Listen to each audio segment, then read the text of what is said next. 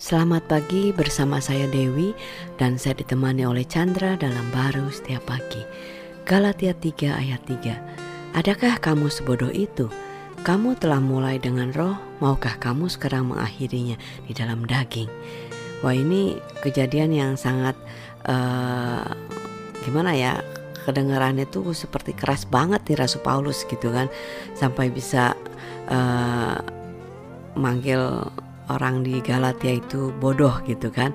Tapi kalau kita pikir memang benar ya, karena kita itu men menerima keselamatan dan diselamatkan itu kan karena iman, percaya kita kan. Nah sekarang waktu kita menjalani hidup ini, kita berpikir nggak cukup dengan percaya kita, tetapi harus juga uh, dengan uh, kekuatan dari kedagingan kita atau kekuatan dari diri kita sendiri ya, sehingga ya buat apa? Uh, kita mulai dengan dengan percaya dan sekarang kita akhiri dengan kekuatan kita. Istilahnya seperti itu kan? Iya, sebenarnya kalau dari eh, daging udah pasti kan Paulus ngelihat itu akhirnya akan lelah dan gagal juga. Sedangkan hmm. roh udah pasti eh, pasti berhasil ya. Ini firman agak keras jadinya, diinginnya dari. Betul. Masa eh, eh, kamu mau seperti itu ya kan? Tentu orang pada prinsipnya nggak mau ya Betul. seperti kayak contoh uh, bapaknya yang kaya uh, membiayai anaknya yang sekolah. Masa anaknya mau kerja sendiri dapatin duit untuk bayarin uang sekolahnya? Hmm. ya dia tidak mampu.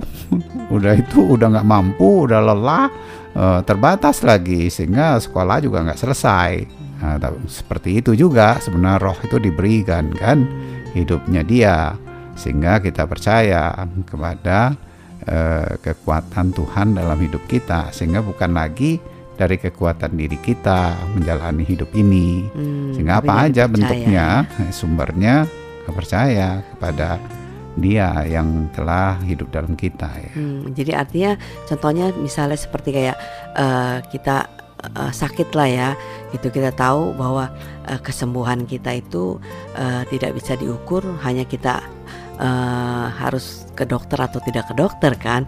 Iman percaya kita kepada Tuhan itu tidak menjadi lemah kita punya percaya atau hilang karena kita harus ke dokter. Atau sebaliknya kita nggak perlu ke dokter karena kita percaya Tuhan sudah menyembuhkan. Nah, hal-hal yang seperti itu kan istilahnya kita kita uh, menjalani hidup ini dengan percaya kita kan bukan dengan tindakan kita ya enggak sehingga waktu kita mengalami sakit itu ya Tuhan bisa tuntut kita entah itu ke dokter atau tidaknya ya kan iya sebenarnya itu menjadi dasarnya eh, percaya kita kepada dia sehingga ada roh kudus ya dalam hidup kita itu yang menuntun sehingga kita nggak menuntut orang percaya itu yang satu bilang harus ke dokter yang satu hmm. bilang Uh, you percaya, yang udah nggak usah, usah ke dokter. dokter. ah, itu tidak lagi dibatasin seperti itu. Hmm. Ya, saya percaya kita itu damai aja ya melalui rohnya, sehingga tindakan kita itu uh, dasarnya dari eh, kehidupan baru kita ya, kehidupan Tuhan atau roh Tuhan dalam hidup kita. Hmm, sehingga kita memiliki satu kebebasan ya, karena percaya kita kepada Dia pasti yang terbaik yang Tuhan uh, tuntun kita ya. Iya, sehingga kita nggak